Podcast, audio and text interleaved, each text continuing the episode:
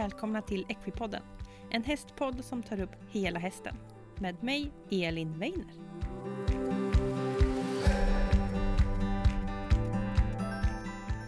Hej på er alla Equipodden-lyssnare och välkomna till veckans avsnitt. Idag får vi träffa Lena Gunnarsson som driver Equestrian Physio. Och Lena, hon är ju från början sjukgymnast och arbetar med ryttaren. Vi kommer att prata sitsoptimering och vertikal balanserad ridning. I veckans avsnitt så delar Lena med sig av sin enorma kunskap och vi pratar om hur ryttaren påverkar hästen, hur ryttarens snedheter, svagheter påverkar våra hästar, hur man identifierar de här svagheterna och mycket, mycket mer. Innan jag sätter på avsnittet här så vill jag säga att det här är också inspelat på distans vilket gör att ljudkvaliteten är lite sämre än normalt. Ja, och med det så tycker jag att vi kör igång veckans avsnitt.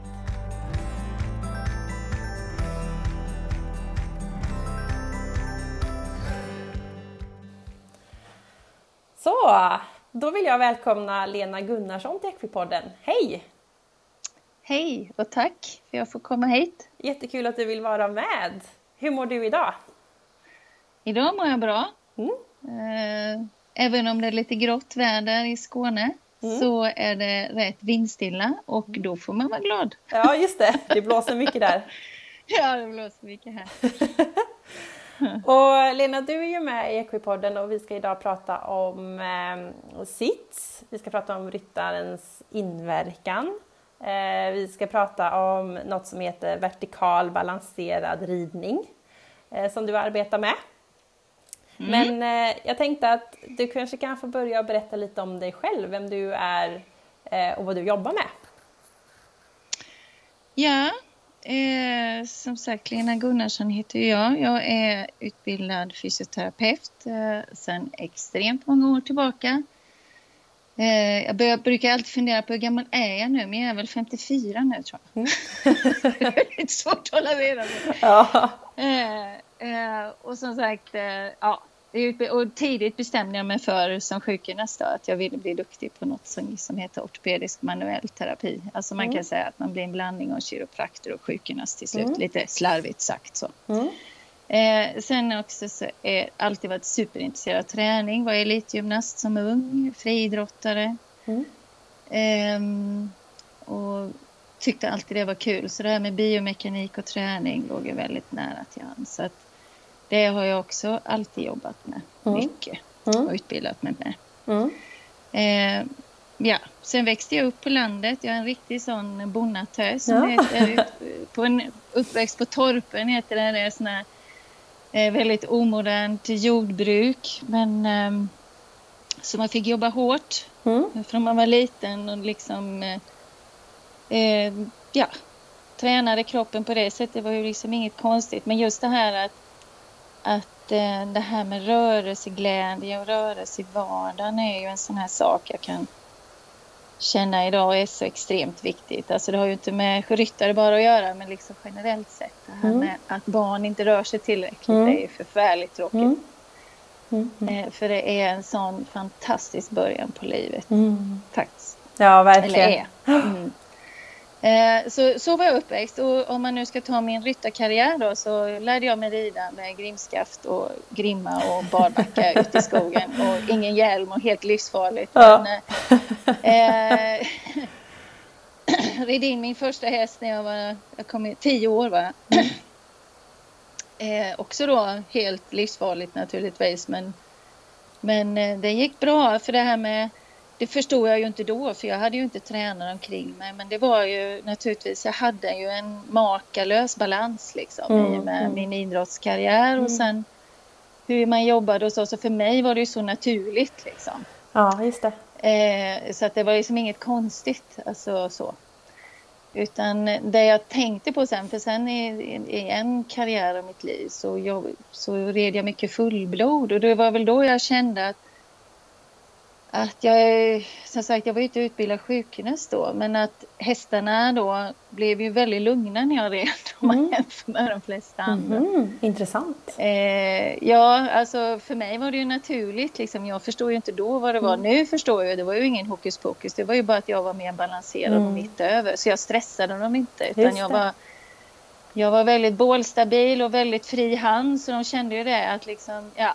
Mm. Eh, mm jag rättade min kropp automatiskt över deras tyngdpunkt hela tiden. Det var ju inget jag tänkte på, men det mm. var ju min, alltså min mm. idrottskarriär, om du förstår vad jag menar. Ja, ja. Eh, som gjorde det extremt naturligt för mig att vara så. Mm.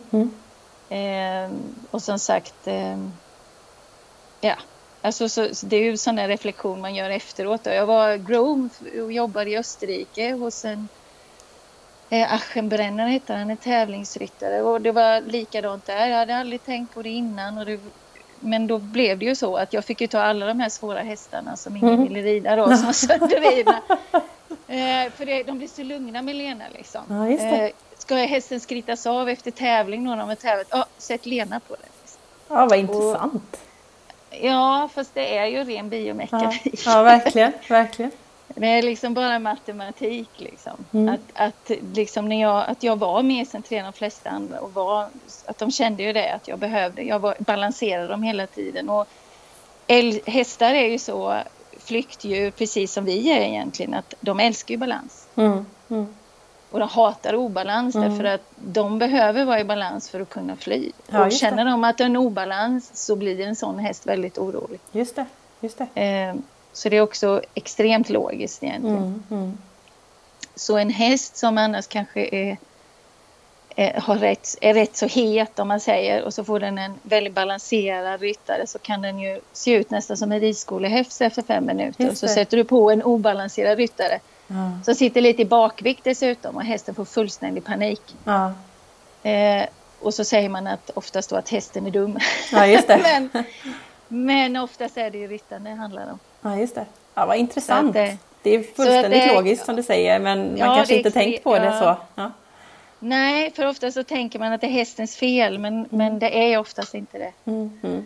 Utan det är oftast ryttaren, eller att de har ont naturligtvis. Det finns ja. ju många olika orsaker. Men, men, men ryttarens obalans är en väldigt stor del. Att en häst kan mm. bli väldigt orolig om man säger mm. så i sin ridning. Mm. mm. Men eh, om man ska gå tillbaka till mig då. Så, så min ridning har varit fram och tillbaka. Jag har alltid hållit på med mycket problemhästar. Mm, det förstår eh, jag. Och, ja.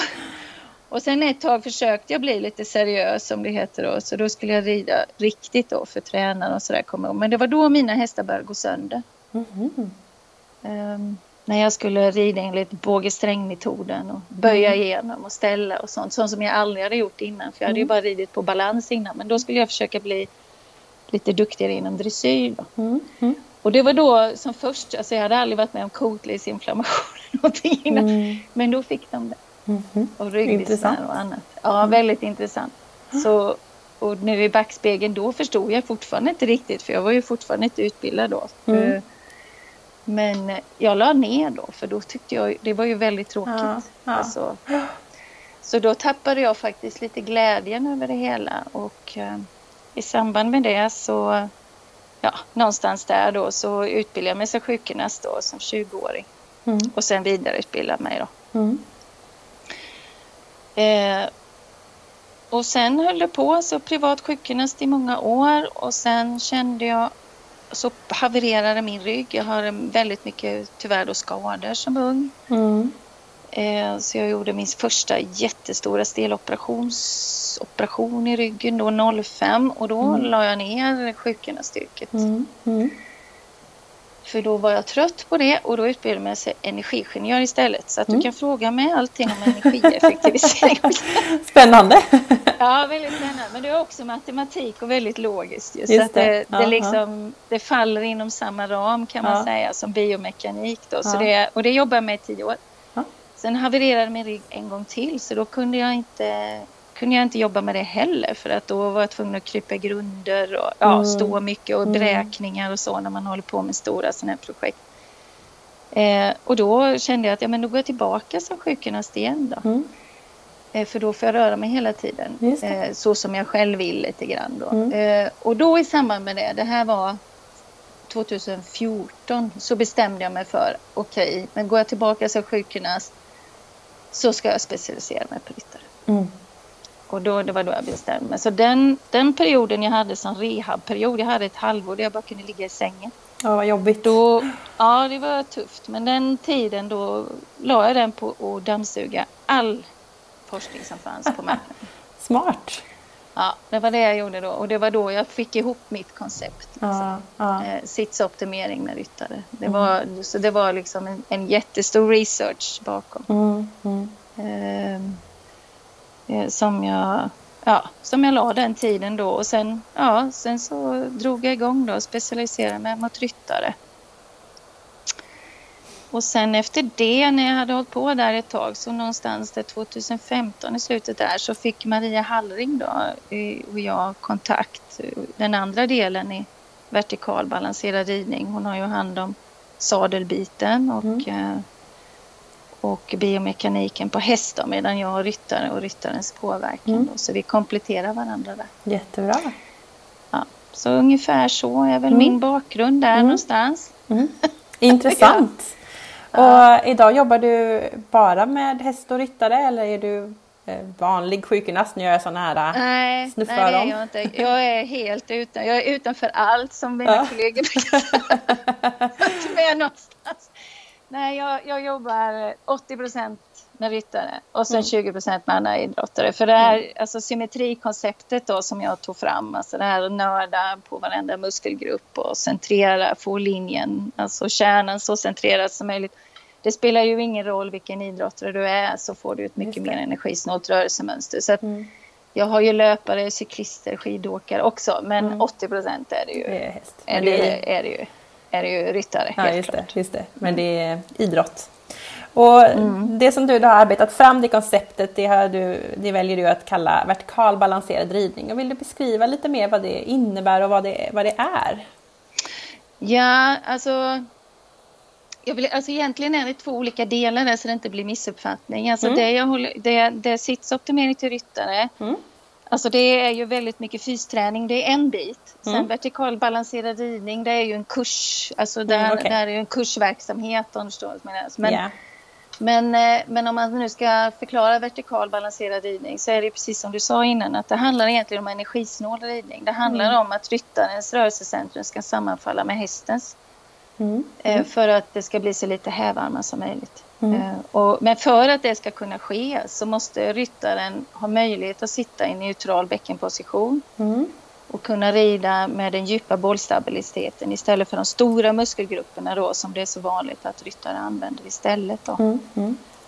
Och du måste också ha en sadel som sätter sittpunkten då naturligtvis över hästens rörelsecentrum. Och det brukar man ju säga att hästens rörelsecentrum sammanfaller någonstans mellan, ja, lite generellt 12 till 14 men det kan ju bröstkotan då. Mm. Um, men, men det kan ju vara lite olika naturligtvis. Men, men, men eh, lite slarvigt brukar man säga att den brukar sammanfalla med hästens djupaste sadelpunkt eller sittpunkt kan man säga. Just det, om man tittar på hästens rygg så. Den ja, mm. precis. Så är det där den är. Och, och, men, men sen som sagt när någon är hästen har, nu ska man ju säga, det brukar vara så när man har en häst som är obalanserad så brukar det stämma. Sen när hästen har kommit upp och pushat upp sig och fått en helt annan hållning så mm. brukar den där djupaste punkten försvunnit. Så då får man faktiskt då börja räkna. ja, just det.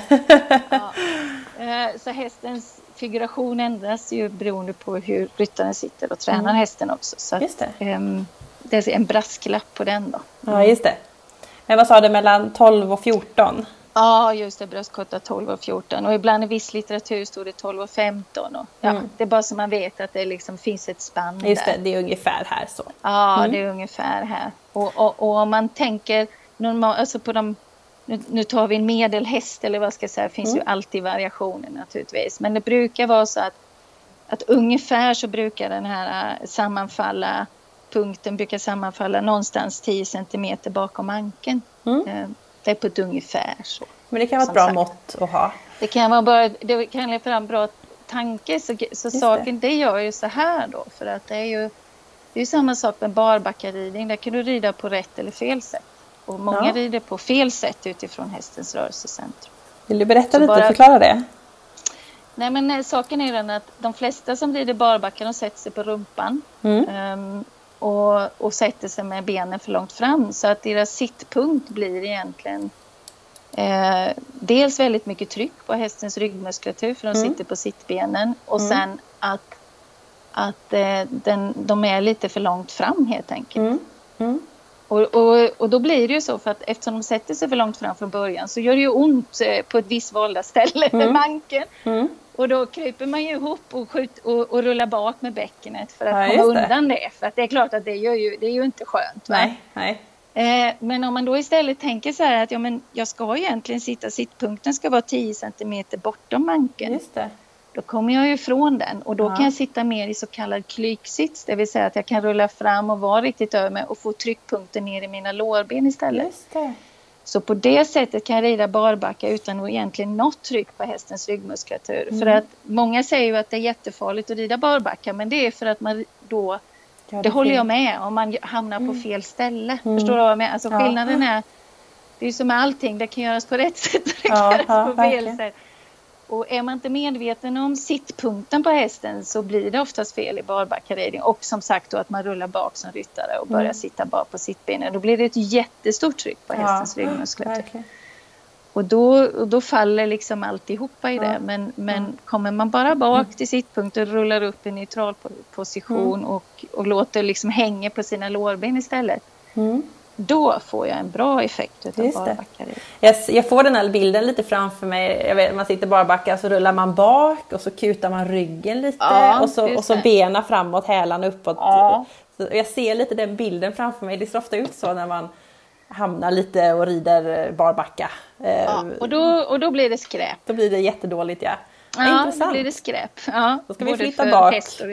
Rulla upp och sitta snyggt då som Precis, vi ska göra. exakt. Ja. Härligt. Mm.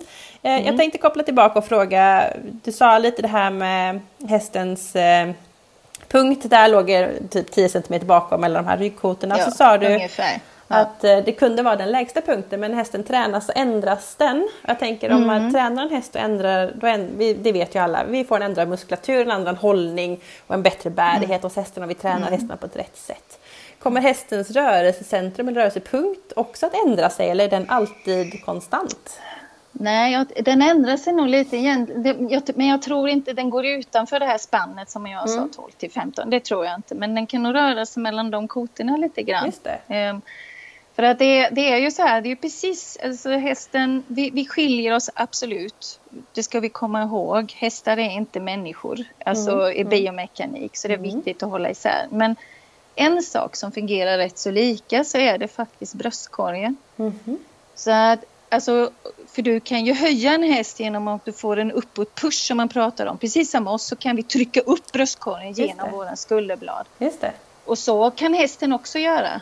Och det är då man får den här lättheten fram. Mm, mm. Det är då den här hästen kan studsa fram. Och det är mm. då vi får faktiskt att hästen höjer manken. Så du kan ju Just ha en häst som är rätt så nedtryckt emellan bogarna. Uh Och sen så bör du träna den rätt så pushar den upp och då kan mm. den ju, när du mäter om den kan den ju ha höjt sig tre centimeter. Just det är inte det. så ovanligt. Uh Och det har inte med att göra att hästen har växt utan det handlar bara om att, att den har börjat kunna jobba Just det, arbeta med rätt muskulatur. Ja, just det. Mm. Precis. Vad intressant. Och då är det klart att du på din svar då när, när då, då är det klart att då blir det ju en annorlunda. Om du mm. för då blir ju, då, då, när man tittar på en sån här som har gjort den uppåt-pushen då brukar man ju kunna tycka att manken har blivit mycket större och längre. Den mm. fortsätter ju längre bak då. Mm, mm, mm. mm. Och det, vill, man, vill man testa det, jag brukar göra det på mina stackars kursdeltagare, de får slänga sig på golvet och så gå på alla fyra och verkligen känna efter. Vad är det som händer? Just det. Men om, om någon trycker ner mig, om de sitter och rider mig bara framåt nedåt mot bettet eller om man sitter och försöker istället rida upp manken. Det är ju två helt olika saker. Som att man kutar ryggen lite eller om man hänger ner på skulderbladen. Mm. Liksom. Just det, ja. precis. Intressant.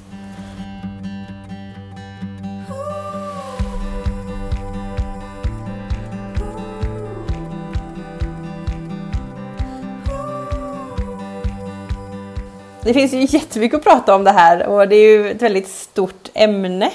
Mm. Ehm, vi nämnde lite det här med VBR och sen så lite sitsoptimering nämnde du och jag vet att du arbetar lite mer med ryttaren. Eh, och mm. eh, ryttarens eh, snedheter och hur mm. ryttaren påverkar hästen. Vill du berätta mm. lite om det? Ja, precis. Det, det BBR då, vertikal balanserad ridning, vad det kanske jag sa inte det. Det består ju av tre delar. Det är ju, mm. Vi tittar ju på ryttaren och vi tittar på hästen och vi tittar på sadeln. Mm. Och sadeln har ju två delar, två sidor. Mm. Den ena är hästens, men den andra är faktiskt ryttarens. Just det. Och det har man ju glömt av lite grann. Ja. Tyvärr. Eh, därför att det är så här att det jag tittar då på ryttaren det är ju hela naturligtvis konceptet. Dels hur ryttaren eh, är centrerad utan häst helt enkelt. Det är ju det första jag tittar på. Mm, mm. Jag har inte med hästen alls i början av min bedömning utan jag tittar på, på ryttaren enskilt, hur den står, går, sitter, hur den hur den kan centrera sin bröstkorg över ländryggen, vilka skulderparti den har. Det är ett jättebekymmer med skulderna på ryttare för det är mm. alldeles glömt. Eh, mm. Folk har gjort eh, plankan till de kräker men inte sitter de mer centrerat för det. Nej, just det. Nej, därför att det, så det, mi, mi, när jag tittar på ryttare och det jag tog fram då, om man kan säga så, som kanske är lite annorlunda mot de flesta andra, det är att jag går utifrån och in istället. Jag tittar mm. alltså det som är längst ut på ryttaren, det som har störst hävan. Så då tittar jag på skuldror, jag tittar på bröstkorg, jag tittar på fötter och sen så när jag har gjort den biten och den konklusionen, hur mycket de två sakerna påverkar, då går jag mot mitten och tittar mm. på bäcken, höft och ländrygg. Mm. Och det är helt enkelt för att jag vet precis det här med biomekanik. Alltså jag går ifrån, istället för att börja från centrum, så börjar jag längst ut med det som ger störst hävvärm och störst negativ effekt. Mm. Mm. Och sen när jag har gjort det, då tittar jag helt enkelt vad som är kvar mm. i bäcken och höft och ländrygg. Mm. Och då har jag upptäckt att då når jag mycket snabbare resultat. Mm. Därför att eh, då börjar ryttaren kunna centrera sig väldigt mycket, eller idrottaren, vilket, vilket det nu är, börjar kunna centrera sig mycket snabbare i sin vardag och då får jag en otroligt mycket bättre effektivitet i deras träning med en gång. Mm, mm. Eh, det kan de också sen ta med sig på hästryggen på ett väldigt enkelt sätt. Eh, just det här att man har en skuldra som hela tiden, man brukar se så här, den bara roterar fram. Varenda steg hästen tar så ser man den skuldran som bara kan de då få kontroll på den och kunna centrera sin bröstkorg, då får de oftast direkt effekt på hästen att de får sin tyngdpunkt mer i mitten. Just det. Eh, och då kan man helt, på en lektion kan jag få ryttaren att kunna kontrollera hästens rotation. Mm, mm. För hästens rotation i bröstkorgen är den som bestämmer vilken sidböjning mm. hästen vill ha rent fysiologiskt. Alltså mm. inte utan att jag använder tyglarna nu utan mm. bara genom min tyngdpunkt kan jag Just ställa det. hästen. Just det. Aha. Men har ryttaren inte kontroll på det då är sin egen tyngdpunkt och centrering. Då kan ju inte ryttaren göra någonting annat än att dra Nej. i tygen eller ta skänkla. För den kan ju inte, den kan ju inte liksom... Den måste först ha koll på det själv ja, innan ja. den kan överföra det till hästen. Ja, just det. Eh, så hela mitt arbete bygger egentligen på att centrera tyngdpunkten på ryttaren först. Man kan förenkla det så. Nu Just jobbar det. jag ju, det är både träning och manuell behandling. Det ligger många, många delar i det här. Mm. Men, men målet är alltid att ryttaren ska få så bra kroppskännedom och centrering i sin egen kropp så att den sen kan överföra det till hästen. Mm. Alltså den ska bli hästens kalibrator och mm. inte tvärtom. Just det. Så en, en ryttare, när jag börjar bli nöjd, ska kunna sätta sig upp på en häst och känna direkt, okej, okay, den här hästen behöver två kilo mer på tyngdpunkt till vänster för att deras bröstkorg vill rotera höger, vilket 85 procent vill göra. Och att det ska komma, målet är att de ska känna det helt spontant. Ja. Alltså det är inget, ingenting, till slut när du rider, alltså ju högre upp, ju, ju, större krafter, då måste du känna detta i din kropp. Ja. Momentant, det går liksom inte, om du förstår vad jag menar. Ja, precis. Vänta, vänta, vänta, utan det är verkligen så här, de ska kunna, målet är att de ska kunna sätta sig upp och känna bara okej, okay, här är det. Mm, precis, um, precis. Det, om man till exempel skulle ta dressyr då, om man gör en skänkelvikning eller förvändslut eller någonting, då kan ju inte mm. sitta också att, ja just det, nu måste jag balansera lite åt det hållet, utan det måste ju kroppen på något sätt lösa själv. Så att man kan arbeta med ja. sin rörelse. Ja, ja, målet är ju det. I, början, mm. i början måste du liksom tänka, ja, du måste liksom, för, för, det första är det som ryttare att du måste veta var jag ska ha min tyngdpunkt i en skänkelviktning. Det vet ju de flesta inte. Mm. Var ska du vara någonstans? Mm. Eller en eh, sluta eller vad det nu än är. Mm. Utan, mm. Eh, för, så det är ju nummer ett att jag har förståelse som ryttare för biomekaniken och min tyngdpunkt. Men ja. som sagt, grunden för att jag ska kunna säga till en ryttare, nu har du din tyngdpunkt, nu är den två millimeter för mycket till höger. Då måste den ju ha som kroppskontroll så den vet direkt, okej okay, jag gör så här precis, så kommer precis. jag hit. Ja. Och det måste uh, sitta på något sätt i ett må, ja. Precis, och då måste jag, det, det jobbet, i alla fall i början, det måste jag göra eh, torrträning om man mm. säger så, utan mm. häst. Men sen får man ju över det till häst så fort som möjligt naturligtvis. För det mm. finns ju inget som är så effektivt som funktionell träning. Så jag måste ju befästa det på hästryggen. Verkligen. Eh, så det räcker ju inte bara med torgträna och så helt automatiskt så, så funkar det inte riktigt. Nej, precis. För sen har jag ju mitt rörelsemönster, mitt invanda när jag kommer upp till hästen och det måste man ju också plocka isär då. Mm, mm. Um, så det, ja i korthet är det så jag jobbar. Ja. Så mycket tid på marken och sen upp då på, på hästen. Ja, just det. Just det, det är, det är liksom en, en följd hela tiden. Mm. Uh, det ena ger det andra. Medan, medan jag oftast är rätt så hård då, att har inte ryttaren presterat tillräckligt i torgträningen så brukar jag säga att det är ingen idé vi träffas eller att vi tar en lektion uppsuttet för du mm. har inte tillräcklig kroppskontroll än. Mm. Mm. Eh, och då, ja, det är ju jag vill ju att det ska vara meningsfullt för alla om precis, du förstår vad jag menar. Så, så jag, jag, ska, jag är väl rätt så, jag är rätt så tydlig med vad jag kräver till mina stackars kunder. Då. Men, men det tror jag är bra att man också känner att eh, här är jag just nu och, och, jag behöver komma lite till innan jag går på nästa steg. Liksom. Ja, ja, precis. Eh, men hur ser den här uh, avsuttna träningen eller tolvträningen ut? Vad är det? Du säger att du börjar lite med de lite större utifrån och in. Jag tänker om man är sned, eh, hur, mm. hur arbetar ni med sådana saker? Nej men det är ju precis som jag sa det. Alltså det alltså ryttaren får specifika övningar ut efter sin snedhet. Mm. Och, och, de får alltid utifrån, alltså rangordnat utifrån det som påverkar den mest. Mm. Oftast är det skulder och bröstkorg som kommer etta, tvåa och så kommer kanske en höft som trea eller ett bäcken som trea och foten som fyra eller vad det nu än är. Mm. Eh, och, och, då jobbar vi efter det helt enkelt. De mm. får väldigt specifika övningar som de måste göra plus att jag behandlar och hjälper dem naturligtvis. Mm. Men mm. utifrån den här rangordningen då. Vad, mm. vad, måste vi ordna först och så går vi vidare. Så att det är både manuellt men det är också väldigt specifikt symmetriträning. Mm. Alltså det är på millimetern vi pratar om. Och, mm. då, och då är spegeln den allra bästa vän. Mm. Mm. Det är den bästa PTn man kan ha. För i början så känner man inte vad som är rakt. Mm. Det är ingen som gör. Utan de, alltså ställer du dem på vågar och så säger du så här, ställ dig nu så att du känner att du har lika belastning. Då skiljer det det är inte ovanligt att det skiljer mellan 5 och 10 kilo. Oj, på två, ja. på två ben eller fötter ja, liksom? Oj. Ja, det är inget konstigt. Och det har ingenting med nivån ryttaren att göra. Om man nu tror det. Mm. Utan det, det kan ske, alltså även om man är proffs, för då hittar man ett S istället. Om ja, just det. Man kompenserar högre upp. Har gjort ett, ja, just det. Precis. Så det blir hyfsat då. Liksom, ja, just det.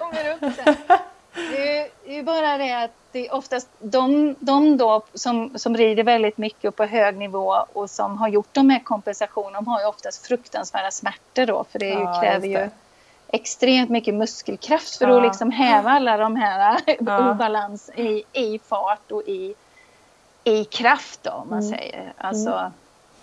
så, att, men, så det är inget ovanligt som sagt alls. Mm. Jag, jag brukar faktiskt testa också för det, det är extremt få som klarar av att rida lätt på centrerat. Just Den det. gör nästan ingen.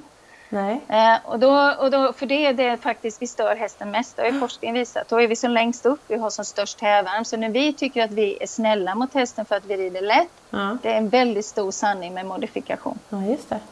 Mm. För att där sätter vi som störst hävarm. Där sätter vi, det blir hästen i mest obalans just om vi inte kan vara precis lika i varje uppresning just oavsett varv. Eh, och då, då har jag ett annat sån inträdesprov att de får, eh, de får sitta på salbox och palla upp med vågar och så får de helt enkelt rida lätt. Mm. Så brukar vi ta, har vi en grundbild liksom. Okay, ja, just det, hur, just det.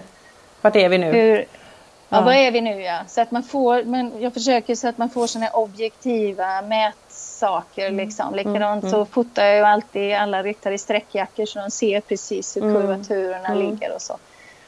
Och, då, och det får man behålla själv och det är för att man ska ha sin egen så att säga, journal mm. så att man kan liksom följa utvecklingen mm. sen då. Mm.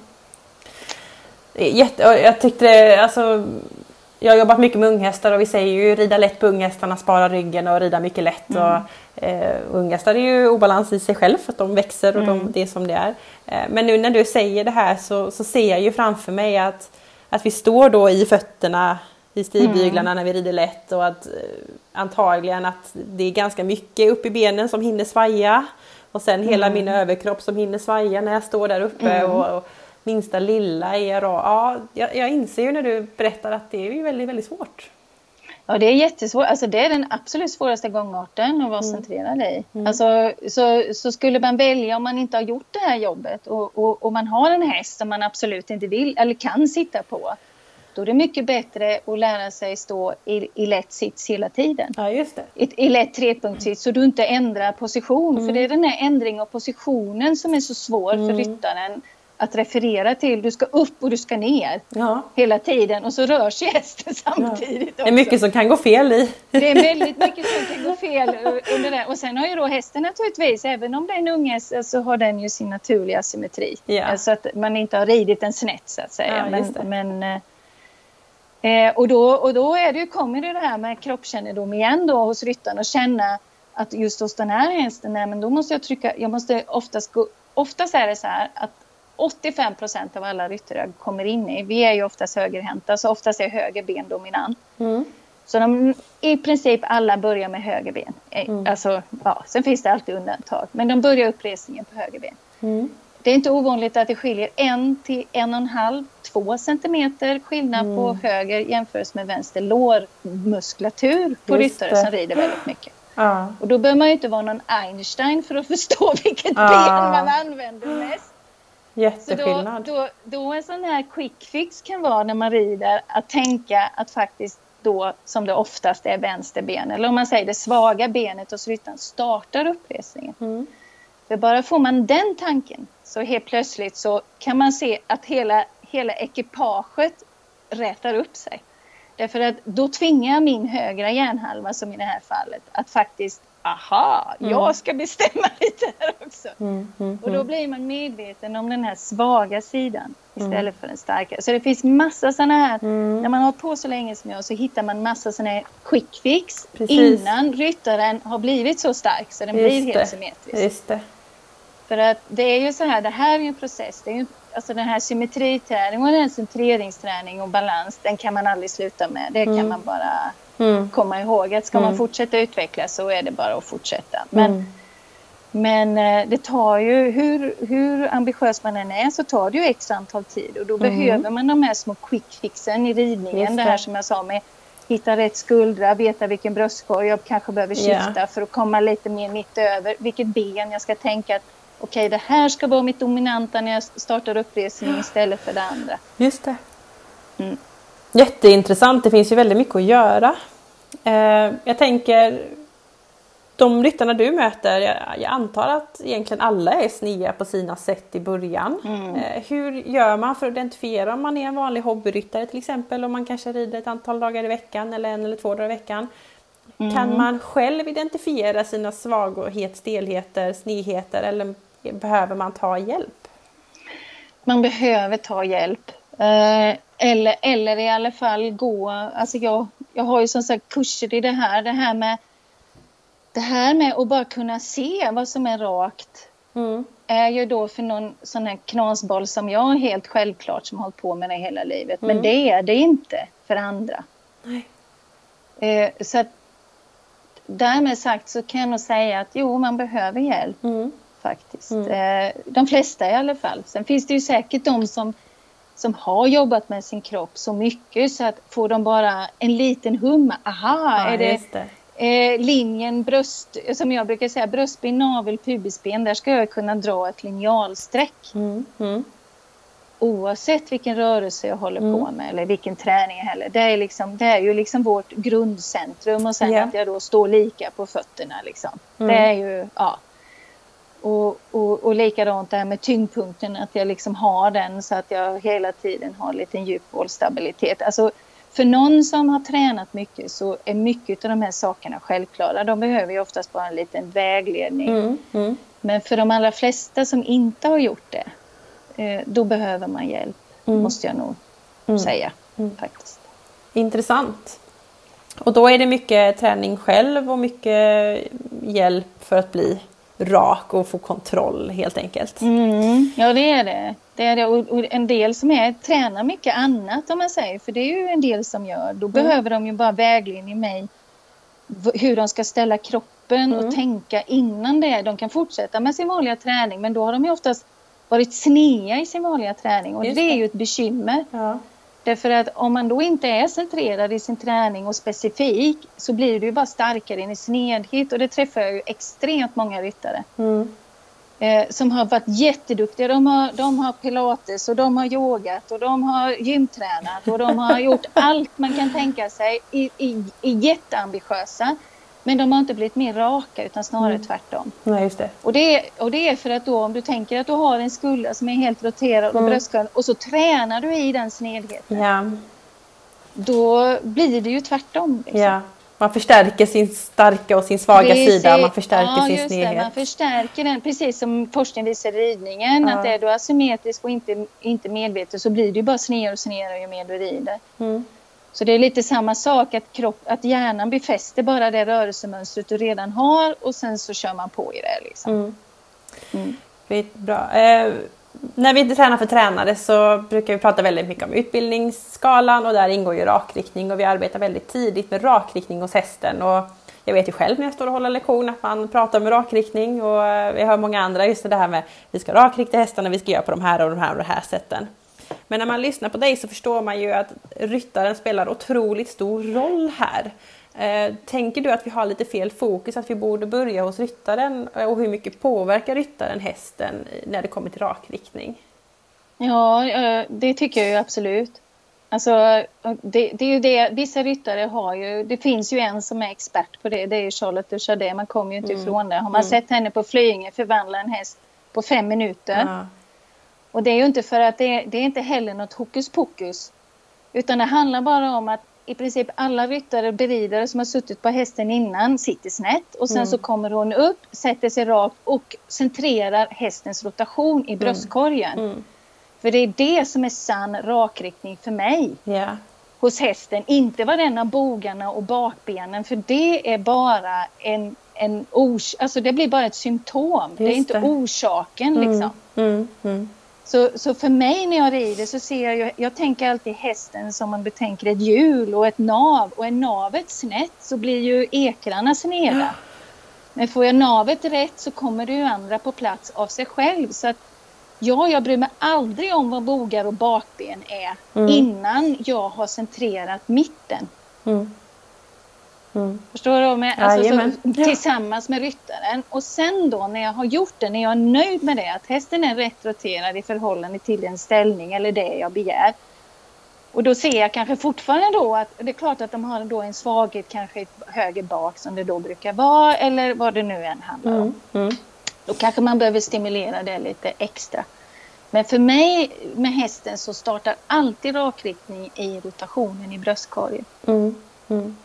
Och då, för att kunna jobba med det, då, då kan du inte ha en elev som sitter snett, utan då måste du ha en elev som känner, okej, okay, mm. här är mitten mm. och nu behöver jag vara två centimeter lite mer här på insidan i vänstervarv för att jag ska få, få den här rotationen och bli rätt att det klickar över så jag kan få en så kallad true bending som vi pratade yeah. om. Då. Det, som är så, och det, med true bending handlar det bara om att, att bröstkorgen är rätt i förhållande till den ställning jag begär. En false bending är precis tvärtom. Just och false bending är ju det vi oftast ser. Yeah.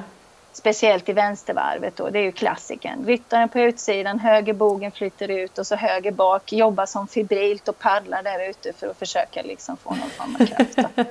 ja, just det. Och, och den hänger emot Ja eh, visst, den hänger, och ryttaren tycker att den hänger i vänstertygen då. Ja, just det. Ställer just det. igenom då. Ja, just det. Och så drar man lite mer där och så åker man ut ännu mer till höger. Och så kommer ryttaren och så viker den sig i sidan och sen är vi riktigt i... Ja. Eh, och så bör man banka riktigt där på utsidan och skänka. För då säger tränaren, du måste stimulera höger bak, vilket ja. som är rätt va? Ja. Det är inte det jag menar.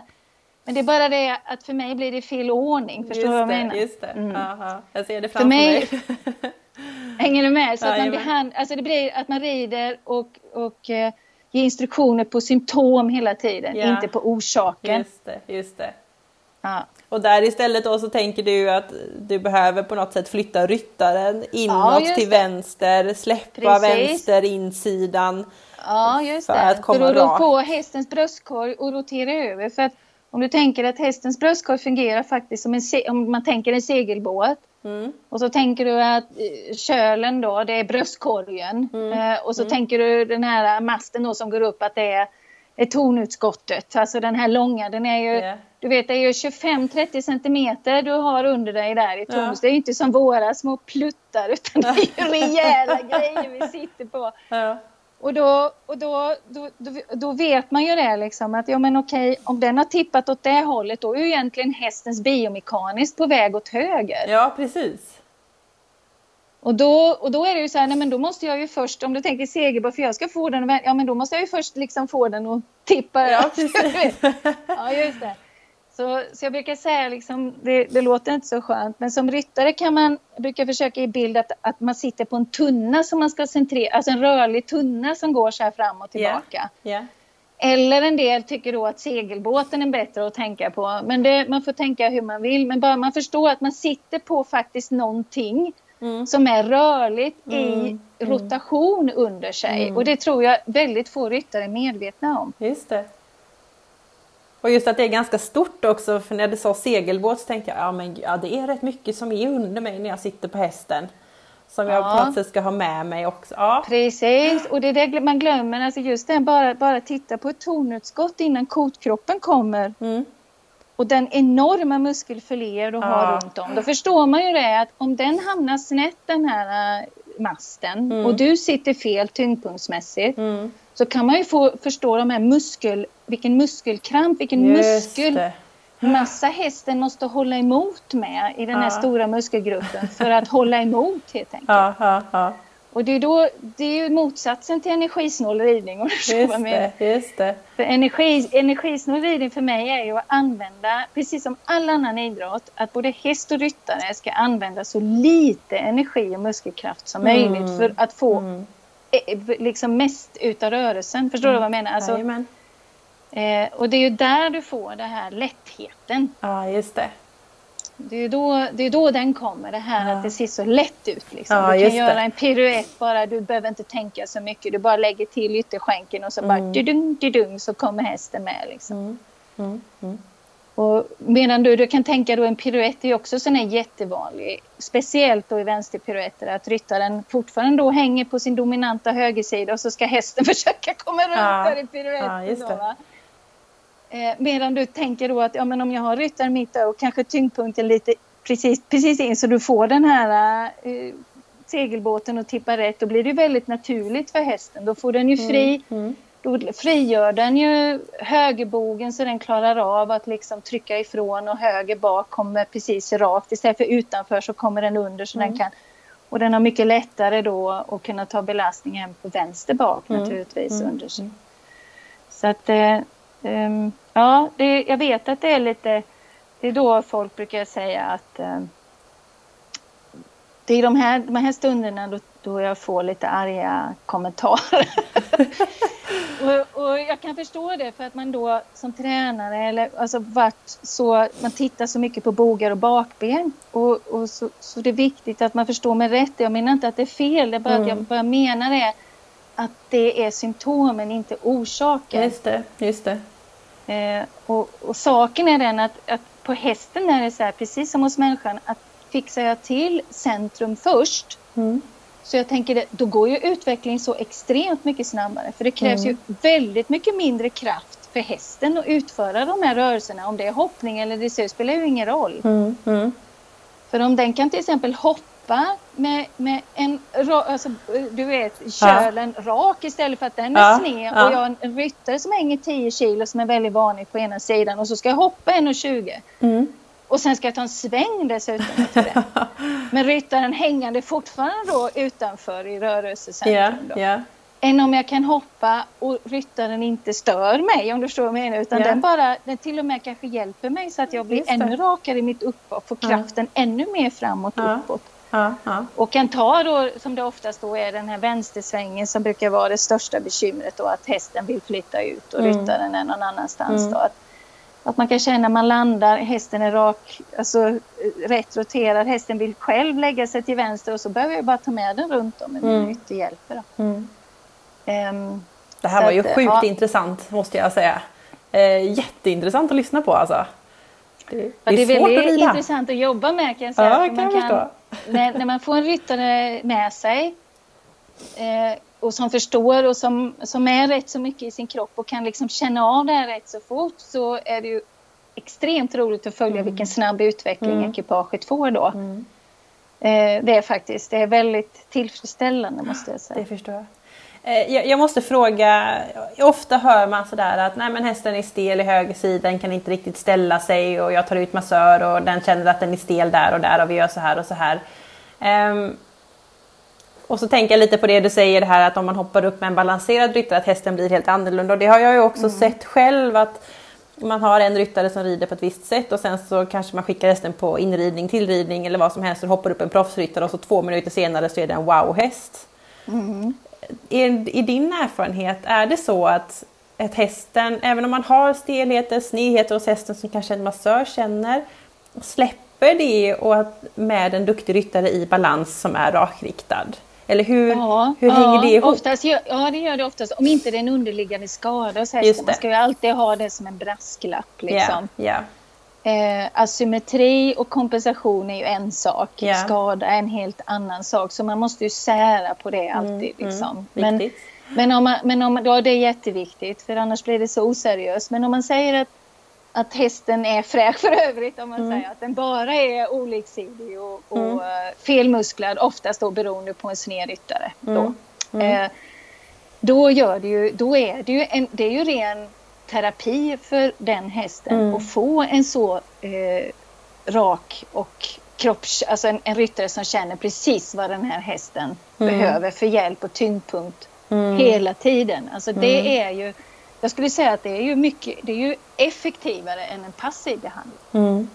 Eh, och det är ju likadant för oss människor. Nu tänker jag kan ju gå till en terapeut och jag kan ju, som, som jag själv jobbar, man manipulerar och man grejer och man fixar och donar. Men yeah. jag vet ju det att det är ingenting värt mm. om inte sen personen följer upp med rätt rörelsemönster. Ja, ja. Och det är precis samma med hästen. Alltså det är ju bara en liksom lite plåster på såren om du förstår vad jag menar. Yeah. Men jag får ju inte den genom gripande effekten Nej, just det. förrän jag får träningen att jobba åt samma ah, håll. Just det. Just det. Så, så man kan göra otroligt mycket om man har kommit med sig själv så långt som ryttare att man liksom har fått den här kalibreringskänslan på millimetern. Mm. Alltså det är fantastiskt faktiskt mm. vilka resultat du kan mm. få. Om nu hästen inte är skadad. Då, Just det, såklart. Mm. Ja, och det måste ju vara så i alla idrotter det förstår jag ju att desto rakare du är desto bättre du är ihop med häst eller någonting annat så blir det ju bättre såklart. Ja, nej men absolut. Som löpare till exempel, det är ju, det är ju sån där klassiker för det gör ju jättemånga. Och sen mm. har de då, då, då, är det ju också inom löparvärlden så är det fot och höft och mm. bål om man säger. Mm. Men de glöm, har också glömt av bröstkorg och skuldror väldigt mycket. Mm. Eh, så jag får ju in löpare som ja, tränar och tävlar väldigt mycket men, men liksom bara få ordning på en skuldra så den slutar att slänga i varje steg. Eller Kostar en energi. Ja. Precis, och då ska det vara mothåll på det. Och bara jag får liksom all kraft framåt hos den löparen så kan den ju förbättra tider fantastiskt mm. snabbt. Häftigt. Och det har inte med att göra att den har fått mer kondition utan det handlar ju bara om att den, den kan löpa mer energisnålt. Yeah. Den behöver inte hålla emot med den andra höften varje gång överkroppen roterar och så vidare. och så vidare. Mm. Och så vidare. Mm. Superintressant alltså. Ja, och väldigt logiskt. Ja. Alltså det... det är ju det när du berättade. ja, nej, men det är ju logiskt. Det är ju matematik egentligen. Mm. Alltså det är det det handlar om. Mm. Eh. jag hörde för många år sedan så var det en, eh, det var nog i någon eh, forum någonstans som sa att det är så svårt att sitta ner i sadeln, det är så skumpigt. Mm. Och då var det en som kommenterade och sa att Eh, jag har lärt mig att eh, när jag, jag och hästen är i balans då är det inte skumpigt längre. Då tänkte jag faktiskt när vi har pratat här en stund och så tänker jag att om vi då lyckas lägga ihop våra rörelsecentrum och vi lyckas få en så energieffektiv ridning som möjligt när att vi är rakriktade ihop, är det inte så skumpigt då? Eh, ja, det, jag skulle vilja säga att det är en, det är en sanning med modifikation faktiskt. För att mm. på ett sätt så säger jag ja. Därför mm. att det blir ju eftersom hävarmarna har minimerats så blir det ju mindre rörelse. Det är mm. ju självklart. Alltså då är jag inte utanför det här navet utan jag är ju närmare navet. Mm. mm. Eh, sen samtidigt så blir det, kan det bli mer skumpigt på ett annat sätt. För att om jag då sitter precis över rörcentrum, jag har en självbärande ryttare som inte trycker på hästen framför eller bakom. Då börjar ju hästen pusha upp framdelen. Ja, och när hästen börjar pusha, alltså i bröstkorgen, kan ha möjlighet att, att liksom få upp manken i varje steg. Mm. Då får jag ju, alltså då förstår du menar, då kommer det ju ännu mer kraft underifrån. eh, och det, jag vill ju det. Mm. Mm. Alltså det är ju jättepositivt. Det är då hästen dansar fram. Det är då man ser den här studsen som jag brukar säga. Jag brukar alltid vilja se att hästen studsar fram. Liksom. Ja, ja. Bär bak men studsar fram. Alltså den här lilla pjong ska det säga nästan lite. Så ja. man ser fölen, att, att man ser ja. att det är samma egentlig rörelsemönster som de här fantastiska fölen har när de bara skuttar fram. Liksom. Eh, och då är det så här som ryttare att då måste du hitta ett sätt att växla av den kraften. För då, den kommer, och den är rätt så kraftig då när hästen börjar röra sig rätt. Mm. Eh, mm. Och tekniken jag använder, eller vi använder då inom Winberg, det är ju det att, att om du är i neutral bäckenposition och neutral bäckenposition eh, definieras så att det är där du har som minst disktryck. Mm. Det är därför att en ryttare som kanske annars normalt sett har ont i ryggen och så fort du får en sadel där som tillåter dig eller hjälper dig vara i neutral bäckenposition, mm. då släpper ryggsmärtan. Mm. Och det har oftast med då att disktrycket minskar och då mm. slår du på automatiskt de här djup bålstabilitet istället för de här stora globala energikrävande musklerna. Just det, just det. Mm. Ja, men i den tekniken, då om jag då kan sitta liksom det här och vila lite mer med lårbenen som jag pratade om, då kan du växla av den kraften som hästen har kommer underifrån genom höftleden först istället. Mm, mm, mm. Då behöver du inte få så mycket kraft upp i ryggen om så menar jag. Du får inte den här skumprörelsen upp då, utan du släpper det redan i höftleden. Ja, just det. Och sen lite grann i bröstkorgen. Det är då du kan det är då man ser de här ryttarna som kan den tekniken och rätt förutsättningar. Du kan ha en häst som rör sig väldigt mycket och du ser inte att ryttaren rör sig nästan. Mm. Den har liksom optimala förutsättningar. Mm. Men även den ryttaren, om den hade suttit i en sadel som var helt fel för den, hade mm. inte kunnat nyttja den tekniken. Mm. Förstår du vad jag menar? Så det handlar, yeah. inte bara, det handlar inte bara om träning. Träning är jätteviktigt, men det handlar också om att ha rätt förutsättningar. Just det, just det. Ja. Och jag, jag har gjort en lista här innan vi började spela in och, och sadeln hade jag skrivit upp att vi skulle prata lite mer om. Men jag, jag tror inte vi mm. hinner det. Vi, vi, får ta ett avsnitt till och prata lite mer om ja, sadel. Prata mer om det. Eh, och så.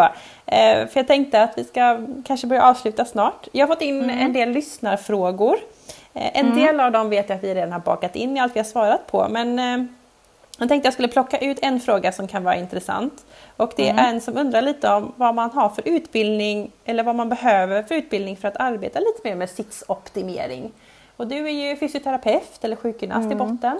Eh, är det en mm. bra väg att gå eller hur, vad har du för rekommendationer om man är ung och tycker det är väldigt intressant med de här sakerna? Eller man behöver inte vara ung för det... den delen förresten, man kan ja, vara vilken ålder som helst. vara gammal och neddegad och tycka att man, ja precis.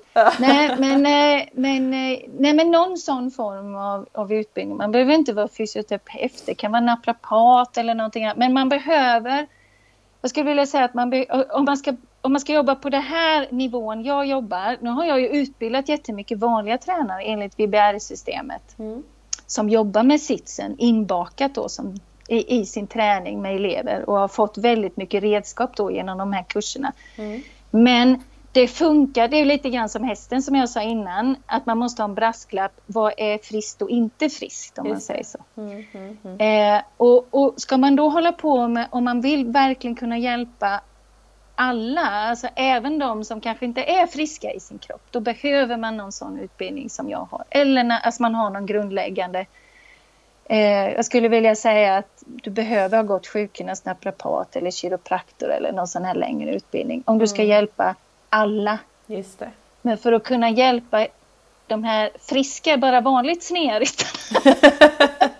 ja. då, då, då liksom behöver du kanske inte så djupgående, men att, att du måste vara, ha ett brinnande intresse för biomekanik och träning och förstå krafter, så skulle jag vilja säga. Mm. Mm. Du, du, måste liksom brinna för det. Mm. Jättebra svar skickar vi med till folk som är intresserade av det här, hur man kan arbeta vidare. Mm. Um, jag tänkte att jag skulle ställa en avslutande fråga och det är en fråga som jag ställer till alla mina gäster som är lite tema. Och eh, jag själv brinner mycket för psykiskt mående och psykisk hälsa och mental träning. Jag tycker det är väldigt viktigt. Vi är vad vi tänker. Så jag tänkte mm. fråga dig om du håller på med någonting med mental träning eller arbetar på något sätt för ditt psykiska mående?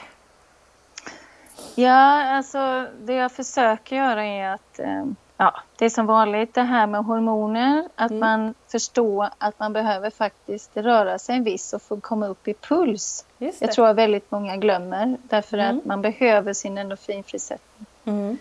Um, och de andra, alla, alla de här må bra-hormonerna som finns. Så det, jag, det liksom är en grej som jag blir väldigt orolig för i samhället därför att väldigt mycket psykiskt dåligt mående beror på för lite rörelse. Mm, mm. Det är en del eh, och det försöker jag. Mm. Eh, och sen den andra delen som jag har på med i jättemånga år som passar mig. Därför att det är som med allting som är träning, allting passar inte alla. Men det finns något som heter yoga nidra. Det finns eh, väl, det är ju vaken sömn är det ju översatt. Mm. Det har jag jobbat med i jättemånga år. Mm. Och det är en speciell form av yoga då? Ja, alltså om vi kallar det yoga väldigt stilla yoga. vaken sömn, ja. ja, sömn, det är precis det det handlar om. Och det finns lite olika tekniker. Eh, mm. man kan säga att vissa säger att ah, ja, det är vanlig avslappning. Men yoga nidra är lite speciellt för att den går också in i att du ska kunna föreställa dig saker och ting. Du ska kunna, alltså, kunna förflytta dig mentalt i olika platser och kunna mm. känna olika mm. saker.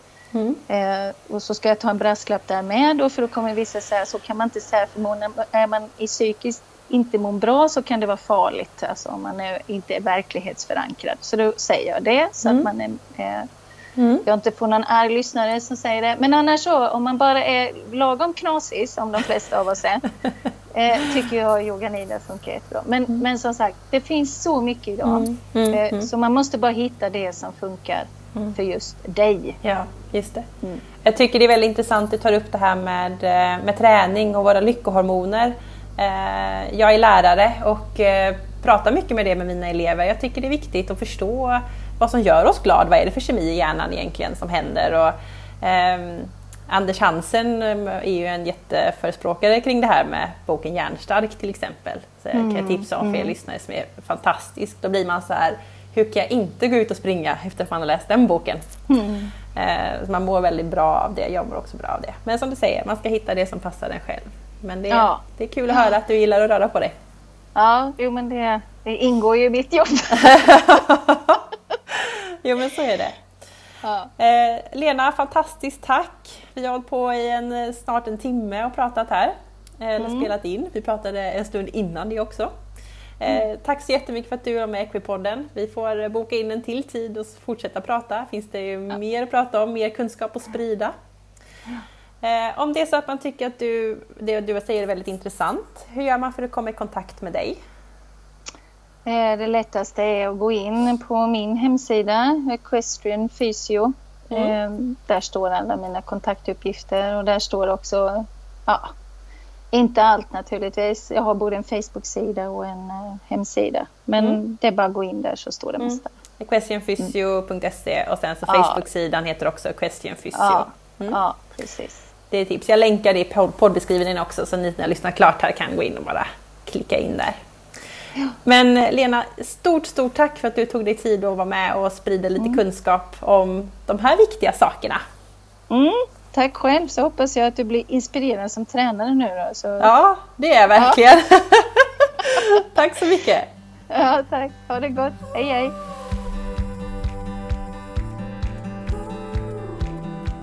Ja, alltså jag säger bara wow, vilket jäkla sjukt bra avsnitt. Innan det här ens har släppt har jag lyssnat på det här flera gånger. Jag tycker det är så intressant och Lena är ju fantastiskt duktig. Vilken källa till kunskap. Så kul att få ha med det här i Equipodden. Missa inte att gå in på hemsidan Equestrian Physio och läs mer, också sociala medier. Och självklart följa sociala medier för podden. Equipodden finns ju på Instagram och Facebook och man kan lyssna överallt där poddar finns. Nästa vecka kommer vi ha lite tema på miljöträning. Det hoppas jag ni ska tycka är spännande. Men eh, så länge säger jag ha en fantastisk vecka och ta hand om er. Hej då!